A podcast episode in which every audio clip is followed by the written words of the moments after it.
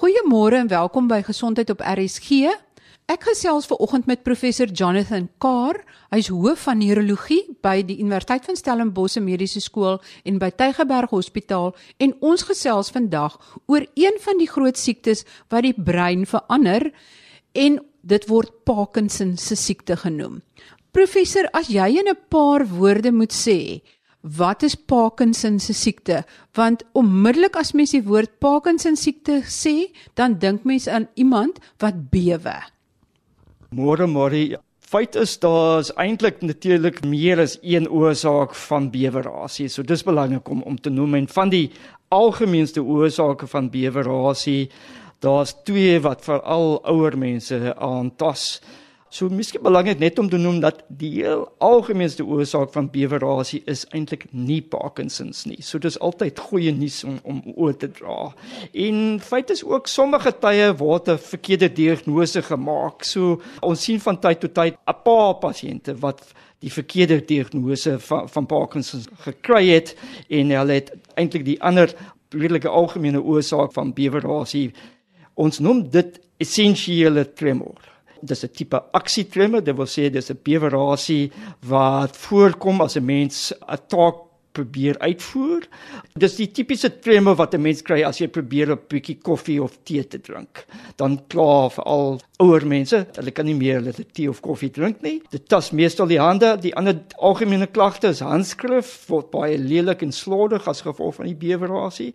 En dis 'n redelike benigne toestand, uh, het geen verskriklike implikasies nie. So eintlik 'n baie belangrike verskil om te maak tussen die sogenaamde essensiële tremor en Parkinson siekte self. Wat Parkinson siekte betref, dis nou ook natuurlik 'n redelike algemene probleem van ouer mense. Die groot verskil is hy tas net een kant van die liggaam aan. So gewoonlik 'n bewerasie van byvoorbeeld die linkerhand of die regterhand. En dan saam met dit dikwels maar nie altyd nie ander klagtes soos die algemeenste sekerlik 'n pasiënt ondervind hulle hand raak net dom. Hy volg nie die brain se instruksies meer nie en 'n mens byvoorbeeld kan nie meer hulle tande so lekker borsel nie of kan nie meer so maklik 'n skroewedraaier gebruik nie ensovoorts ensovoorts. En dikwels sal die egnoot uh, veral oplet dat as 'n egpaar nou saam stap die pasiënt wat die bewerasie het, hulle swaai nie hulle arm soos in die verlede nie. Die arm se swaai raak dan minder. Jy het nou 'n paar van die simptome beskryf van Parkinson se siekte. Maar wat is die oorsaak? Wat gebeur in die brein dat mense nou skielik hierdie motoriese of verskillende bewegings of of tremors het? So dis 'n verskriklike interessante vraag en onthou natuurlik As 'n mens 'n diagnose maak, die doelwit is natuurlik om die siekte toestand se verloop te verander. So diagnose, akkurate diagnose is altyd belangrik en soms kan eintlik baie moeilik wees by Parkinson siekte. Wat ons weet nou 2016 is as 'n mens 'n bewerasie van die hand ontwikkel, heel waarskynlik het hulle reeds Parkinson vir dalk 10 tot 20 en sommige tye meer uh, jare gehad. So daar is gewoonlik heelwat subtiele simptome voor dit. En die probleem van in subtiele simptome is natuurlik baie mense kry dit. En as ek nou begin om 'n reeks subtiele simptome te noem gaan ek nou baie mense baie bekommerd laat maak want hulle gaan dink het ek dalk Parkinson siekte? So dis 'n probleem van subtiele simptome. Punt is weer eens dat as 'n mens daai bewerasie ontwikkel heel waarskynlik het hulle die Parkinson siekte vir 'n hele aantal jare reeds gehad. En dit was as ek vir 'n pasiënt vra, dink jy wanneer het jy uit die Parkinsons begin? Hulle dink terug en sê eintlik dit en dit het nou skeef geloop. Ah, heel waarskynlik was dit nou 5 of 6 jaar terug. So Ek gaan van die simptome noem, maar soos ek sê, ek moet werklik beklemtoon dat hierdie is algemene klagtes en het baie min spesifisiteit wat die diagnose van Parkinson betref. So, wees bietjie versigtig. So, om 'n goeie voorbeeld te gee, hartlywigheid. Nou, dis 'n verskriklike algemene probleem. Sommige tye het mense wat hartlywigheid ontwikkel, dis van die eerste simptome van Parkinson siekte. 'n Soortgelyke probleem sal wees 'n verandering in reuksin. So baie mense met Parkinson sê dis jare laas dat hulle reuksin normaal was. Maar vir eens, daar is duisende miljoene mense wie se reeks nie heeltemal normaal is nie wat nie Parkinson het nie. So dis juist die probleem van om 'n baie vroeë diagnose te probeer maak. Die vroeë simptome is baie non-spesifiek. So ons het nou deesdae scans en so voorts wat indien nodig ons kan doen om 'n diagnose te bevestig. So wat presies sien julle op daardie skanderings? Wat ons sien is eintlik die onderliggende oorsaak van die bewerasie en dit is 'n dopamientekort. So dopamien is 'n oordragstof. Die hele liggaam bestaan uit duisende biljoene selle en veral as ons kom tot die senuweestelsel een sel moet praat met 'n ander sel. Daar's kommunikasie tussen die selle.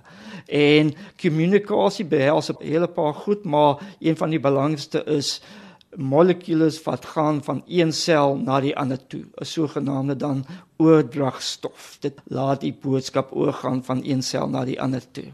So daar's natuurlik ingewikkelde stelsel, maar van die oordragstowwe van die belangrikste is die oordragstof dopamien. En dopamien doen baie goed, maar hy is baie baie belangrik by die motoriese stelsel en ons weet vir sekerlike eeu of meer dat 'n dopamientekort is een van die primêre belangrikste kenmerke van Parkinson siekte. So wat die dopamien betref, ons weet daar's 'n tekort aan dopamien in die brein en die scans wat deesdae gedoen kan word is basies 'n manier om die dopamien vlakke in die brein te bepaal. So dis 'n baie akkurate manier om 'n diagnose van Parkinson te maak. Dit gesê, scans is duur en meeste van die tyd eintlik nie nodig om 'n diagnose van Parkinson te maak. So meeste van die tyd suiwer op standaard kliniese gronde kan 'n mens 'n diagnose van Parkinson maak met goeie akkuraatheid. As mens dan in die brein kyk, is dit 'n spesifieke deel van die brein waar die dopamien vlakke dan nou daal of is dit deur die hele brein?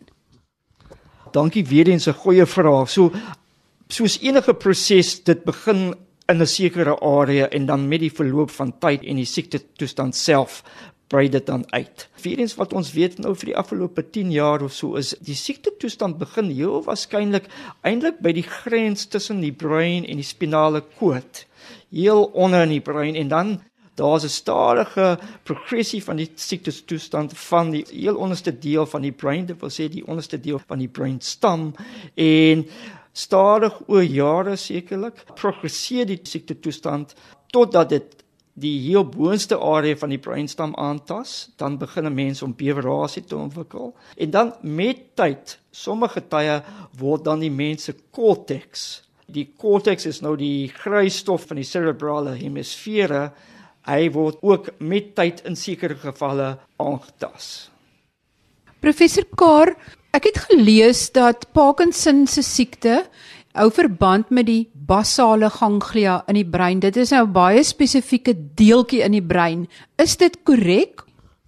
So dis absoluut korrek. As ons kyk net na enige normale mense, ons begin praat van die motoriese stelsel. Hoe as jy besluit om 'n aksie uit te voer, hoe, hoe gebeur dit? En net om 'n bietjie daarso uit te brei, stap 1 is laat ons maar sê jy begin om fiets te ry en jy is 3 jaar oud en jy het nou 'n splinte nuwe fiets of, of iets gekry. Hoe werk dit nou? En dis nou 'n interaksie tussen die cortex en as ek praat van cortex, ek as 'n mens dink net van die brein, dis die cortex, daai gewone beeld wat almal het van hoe lyk 'n brein, dis daai snaakse pink ding wat jy mens sien in uh, duisende fotos en dis die cortex, dis die oppervlak van die brein self. Om 'n nuwe taak te leer, dis 'n interaksie tussen jou metodiese cortex en die klein breintjie, dit wil sê die cerebellum.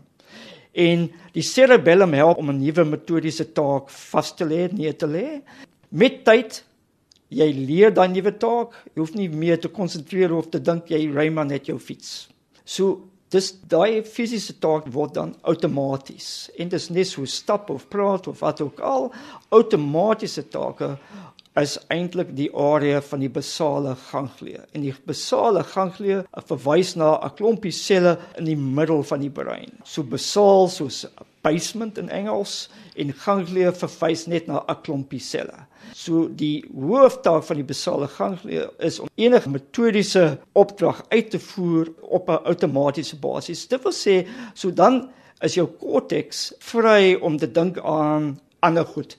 So dit wil sê om 'n situasie te hê waar die mens mees doeltreffend is, gaan jy jou korteks beskikbaar stel om aan nuwe take te dink, nuwe aksies uit te voer en so aan. Dit is baie baie belangrik soos enige iemand kan sien dat basiese goed so stap of jou hande te gebruik om 'n basiese taak uit te voer. Dit moet basies onbewustelik wees, outomaties wees. En daar speel die basale ganglia 'n groot rol en daar speel dopamien 'n groot rol. So dopamien van sy grootste interaksies wat die motoriese stelsel betref is om te werk as 'n oordragstof vir die basale ganglia en basies om te help met outomatiese beweging.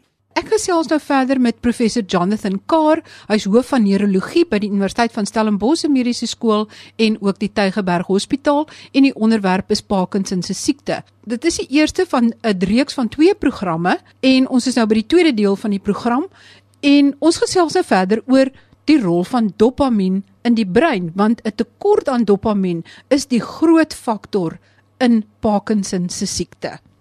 Maar dopamien is dan ook die stof wat jou laat goed voel. Dis absoluut reg so natuurlik brein is maar 'n ingewikkelde stelsel. Daar's verskeie stelsels wat dopamien betref. Een stelsel wat dopamien betref, gaan van die heel boonste deel van die breinstam na 'n mens se frontale lobe en daar is hy baie belangrik vir dat jy goed voel en so aan en die ander pad gaan van die boonste deel van die breinstam na die basale ganglia en daar is hy by motoriese take betrokke. So twee hoofrolle vir dopamien, een by plesier en een by motoriese funksie. Nou weet die dokters dat Parkinson se siekte gaan gepaard met 'n tekort aan dopamien. Is dit nie dan net doeteenvoudig om die dopamien vlakke te verhoog nie en dan eintlik die siekte so te behandel nie? Feit is dis eintlik hoe Parkinson se verskil van soortgelyke siektes soos Alzheimer siektes of motorneuron siektes. So net om vlugtig bietjie daaroor te gesels. Daai drie toestande wat ek nou genoem het, Parkinson, Alzheimer, motorneuron siektes. Hulle is baie algemeen veral in die westelike bevolking en veral in ouer mense. So sekerlik by Parkinsons die grootste risikofaktor vir Parkinsons is suiwer ouderdom. So daai drie toestande ons praat van neurodegeneratiewe siektes. Dis 'n mondvol, maar wat dit sê is basies daar is veral in die beginstadie van die siekte 'n klompie selle of 'n spesifieke area van die brein wat te vroeë inkorting of veroudering van die selle toon. Al drie siektes toon 'n vroeë veroudering van 'n sekere baie spesifieke area van die brein. Byvoorbeeld by Alzheimer siektes, almal dink aan Alzheimer as 'n diffuse, wydverspreide proses glad nie so nie. As jy kyk na Alzheimer siektes in die uiters vroeë stadie, dit is 'n baie baie klein gedeelte van die brein wat aangetast word. Al drie van daai siektes deel sekere ooreenkomste en dit is ouderdom is 'n groot risikofaktor. Sover ons weet, meer algemeen mense wat van uh, Europa kom en 'n baie klein persentasie van al drie siekte toestande 'n baie duidelike genetiese komponent. Die verskil tussen Parkinsons en siektetoestande soos Alzheimer en motorneuron siekte is 'n groot probleem by Parkinsons is die dopamien tekort en dit is eintlik baie maklik om daai dopamien tekort beter te maak te verander. So maklik soos om 'n pil te gee. Maar as mens die dopamien dan gee en jy gee dit in pilvorm, is dit dan net soos die dopamien in jou brein en genees dit dan die siekte? Kan jy dit dan 100% beheer of verstadig dit net die agteruitgang? Die antwoord is ingewikkeld, maar in kort. In die begin van die stadie en daar praat ons van die sogenaamde honeymoon fase. Reageer ten minste die meerderheid van pasiënte baie goed, soms uitstekend op 'n relatiewe klein hoeveelheid dopamien.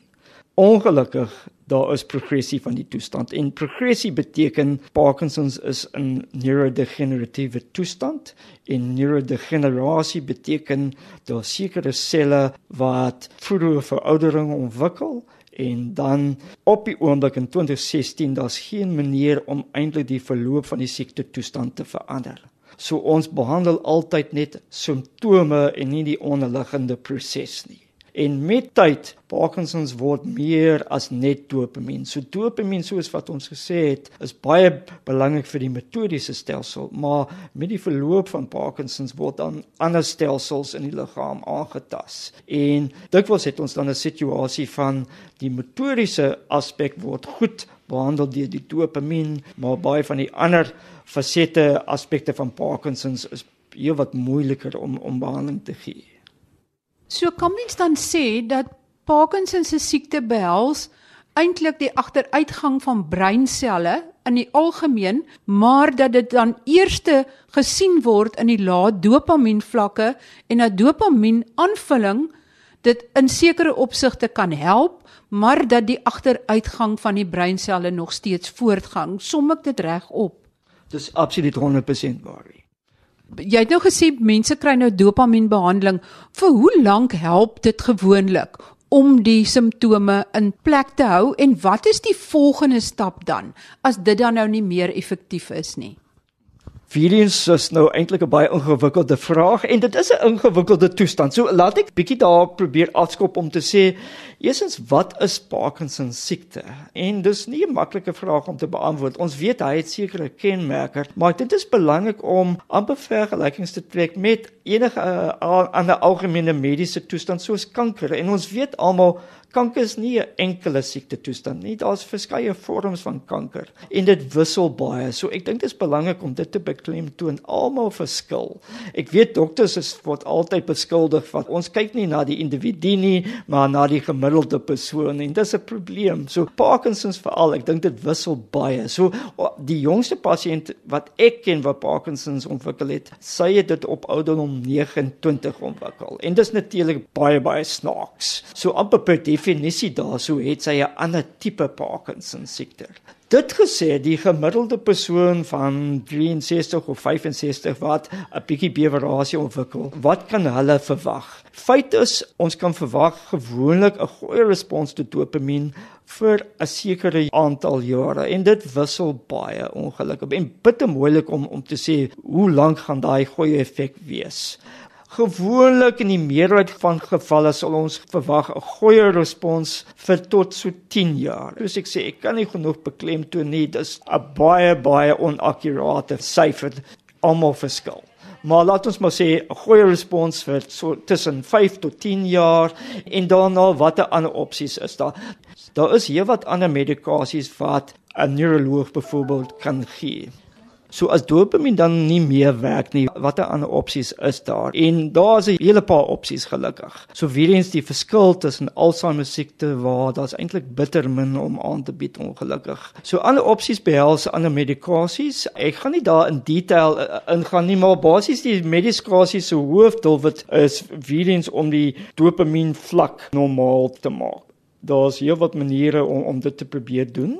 En dan In ander opsie, al hoe meer ons sien dit as net nog 'n rotine opsie vir die gewone Parkinson pasiënt en dit is 'n tipe chirurgie. Ons praat daarso van diep brain stimulasie in diep brein. Jy kan dink weer eens ons het al van die basale ganglia gepraat so die strukture wat aangetast is is maar diep in die brein so dis hoekom deep brain deep brain stimulasie gebruik elektrode dis baie soos 'n pas aangee wat vir die hart gebruik word. So 'n elektrode en 'n batterystelsel en die elektrode gaan diep binne in die brein en hy het 'n effek daarso op die simptome van Parkinson die breinstimulasie is nie 'n gewone chirurgiese prosedure nie. Feit is dit was suiwer navorsing wat gelei het tot die ontwikkeling van die breinstimulasie. So belangrik om daai punt te maak want navorsing is uiters belangrik, regtig. Ons gaan nooit vorder met behandeling van Parkinson sonder meer navorsing,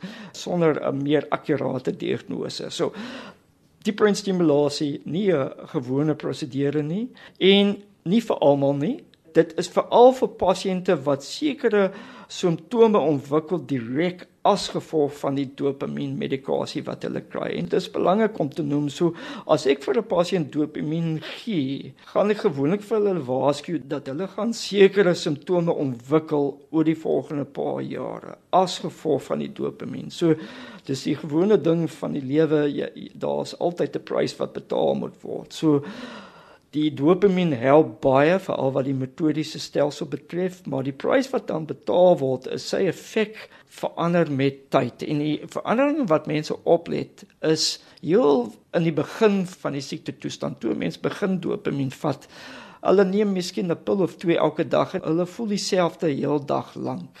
En na 'n paar jare begin hulle om agter te kom dat as dit tyd is vir die volgende dosis, hulle voel die halfuur voor dit begin hulle simptome erger te word. So dit wil sê as die gewone dosis op 12 uur is, dan 'n halfuur voor die tyd begin hulle om 'n bewerasie te kry. En in Engels daar ons praat van wearing off. Met tyd daai die simptoom kompleks raak al hoe meer duidelik en ons praat dan van aan en af. Die term is maar voor die hand liggend aan beteken jy het nou jou dopamien pilletjie gedrink en jy voel jy wat beter, jy kan beweeg, jy voel goed. Af is die teenoorgestelde. Die pil het nou uitgewerk, jy voel nou stadiger, die bewerasie is erger en dit wil saam met dit en ek dink baie mense kom dit nie agter nie, is daar eintlik ook psigiese effekte van die dopamien, veral in die afstadium, want dan, dan saam met die bewerasie en die styfheid en die stadigheid, voel 'n mens mislik en depressief. Ek dink daar is nie woorde eintlik om die toestand te beskryf nie. So dis die tipiese gevolge van dopamien gebruik in aan en af situasie. En dan nog een, dit was saam met die aan die voordeel daar is 'n mens voel beter en kan makliker beweeg. Saam met dit soms is te veel bewegings en as mense belangstel, hulle kan kyk op YouTube Michael J Fox. Ek het dit al self gesien as hy nou voor die Amerikaanse Kongres getuig het. Ja, waarskynlik het hy 'n bietjie ekstra medikasie gevat en dan kan 'n mens sien 'n voorbeeld van abnormale bewegings wat gebeur direk as gevolg van kroniese gebruik van dopamien. So dis die twee groot gevolge van langtermyn dopamien gebruik aan en af en abnormale bewegings die, die mediese term is dyskinesie dis bedoelende abnormaal en kinesis bewegings so abnormale bewegings. En DBS die breinstimulasie is gewoonlik 'n baie baie goeie behandeling vir daai twee probleme wat ontwikkel as gevolg van kroniese dopamien gebruik kan mens nie net daai af periodes verminder deur meer gereeld die dopamien te gee nie 'n mens kan en dis dit was die eerste stapie. So basies wat medikasie betref, die doelwit is net om die dopamien vlak normaal te hou of dieselfde te hou so dat jy vermy die aan en af fases want aan en af is basies die direkte gevolg van die feit dat jou dopamien vlak te hoog of te laag is. So ideaal gesproke bly jou dopamien vlak heeltyd dieselfde en wissel nie. Dis eintlik moeilik om reg te kry. Maar baie van die taak van 'n gewone neuroloog is te probeer om dat dopamien vlak heeltyd dieselfde te hou. So vinnig kom ons dan aan die einde van hierdie program. Maar volgende week gesels ons verder oor Parkinson se siekte want hierdie was die eerste in 'n reeks van 2 oor Parkinson se siekte want daar is nog interessante feite wat ons graag aan julle wil oordra programme waarna jy verder kan uitsien is die antwoorde op luisteraars vrae oor blaasprobleme by vroue en prolaps by vroue en ook oor nog verdere nuwe inligting oor die behandeling van blaasprobleme by vroue. Ek het reeds met dokter Pieter Kreer en dokter Steven Jeffrey gesels. So ek is besig om daardie program voor te berei en dan is daar nog baie ander interessante programme wat wag. Dus moenie vergeet op 'n Woensdag 12:30 tot 12:00 is dit tyd vir gesondheid op RSG. As jy enige vrae het, stuur dit gerus aan my by gesond@rsg.co.za en onthou, al die programme is op potgooi beskikbaar. Tot volgende week dan. Totsiens.